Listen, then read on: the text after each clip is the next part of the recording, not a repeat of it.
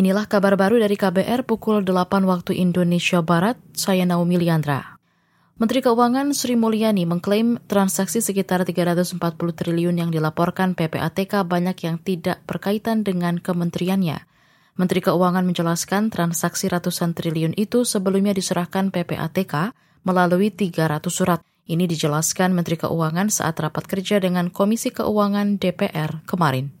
Nah, jadi 253 triliun adalah sebetulnya transaksi dari korporasi, 74 triliun ada surat PPATK ke APH. Sehingga yang benar-benar berhubungan dengan kami terkait dengan kalau ini menyangkut tupoksi ke pegawai Kementerian Keuangan, ada 135 surat. Nilainya 22 triliun. Bahkan 22 triliun ini 18,7 triliun itu juga menyangkut transaksi korporasi yang nggak ada hubungan dengan Kementerian Keuangan. Jadi yang benar-benar nanti berhubungan dengan pegawai Kementerian Keuangan itu 3,3 triliun. Menteri Keuangan Sri Mulyani mengatakan transaksi sekitar 3 triliun itu merupakan akumulasi debit kredit pegawai, termasuk penghasilan resmi, transaksi dengan keluarga, dan jual beli harta. Kata dia laporan transaksi ini merupakan rekapitulasi sejak 2009 hingga 2023. Kalangan anggota Dewan menentang rencana importasi beras yang dilakukan di tengah masa panen raya. Anggota Komisi Pertanian DPR Selamat khawatir impor beras bakal membuat Bulog tak maksimal menyerap gabah petani. Selamat menduga rendahnya harga pembelian pemerintah HPP untuk gabah menjadi salah satu skenario untuk melakukan impor. HPP ditetapkan Rp5.000 per kilogram di bawah tuntutan Serikat Petani perintah Pak Jokowi untuk menyerap secara optimal itu kan belum terpenuhi. Baru 50 ribu Mbak dibeli oleh Bulog nih. Sehingga justru saya bertanya-tanya dengan munculnya HPP yang ditentukan oleh pemerintah, jangan-jangan memang ini untuk menjadi pintu masuk agar Bulog tidak bisa menyerap untuk memenuhi CBP sehingga alasan untuk impor itu ada karena untuk memenuhi kebutuhan beras cadangan dari pemerintah. Jadi ini tidak menjalankan perintah Presiden secara baik karena penyerapan optimal sementara yang diserap baru 50 ribu ton sudah impor. Ini kan nggak ada korelasi dengan perintah Presiden. Anggota Komisi Pertanian DPR Selamat mendorong Bulog mengutamakan serapan produksi dalam negeri. Dia yakin stok beras nasional cukup sebagaimana diungkapkan oleh Badan Pusat Statistik BPS.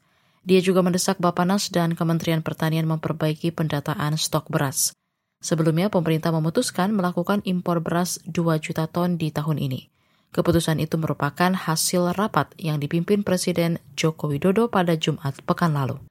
Saudara, pemerintah Kabupaten Rembang mengaku sulit menahan laju pertumbuhan waralaba retail meski pendiriannya kerap menuai penolakan warga.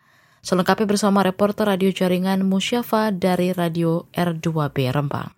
Jumlah toko modern di Kabupaten Rembang semakin banyak, bahkan saat ini sudah mencapai 77 titik. Pemerintah Kabupaten Rembang mengaku sulit mengendalikan karena izin dari tingkat pusat dipermudah melalui sistem online single submission atau OSS.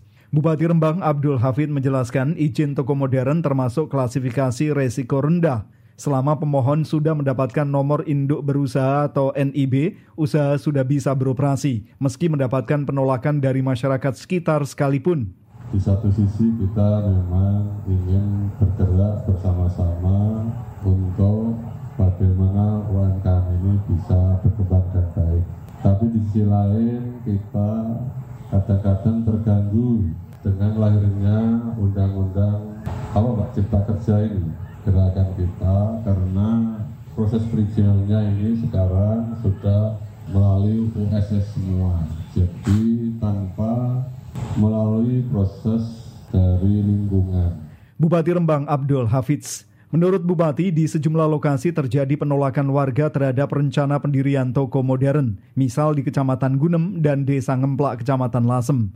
Lantaran hal itu sudah diatur dalam regulasi Undang-Undang Cipta Kerja, Pemkap Rembang tidak bisa berbuat banyak. Ketika terjadi masalah, Pemkap sebatas menengahi. Musyafa R2 Rembang melaporkan untuk KBR. Demikian kabar baru saya Naomi Liandra.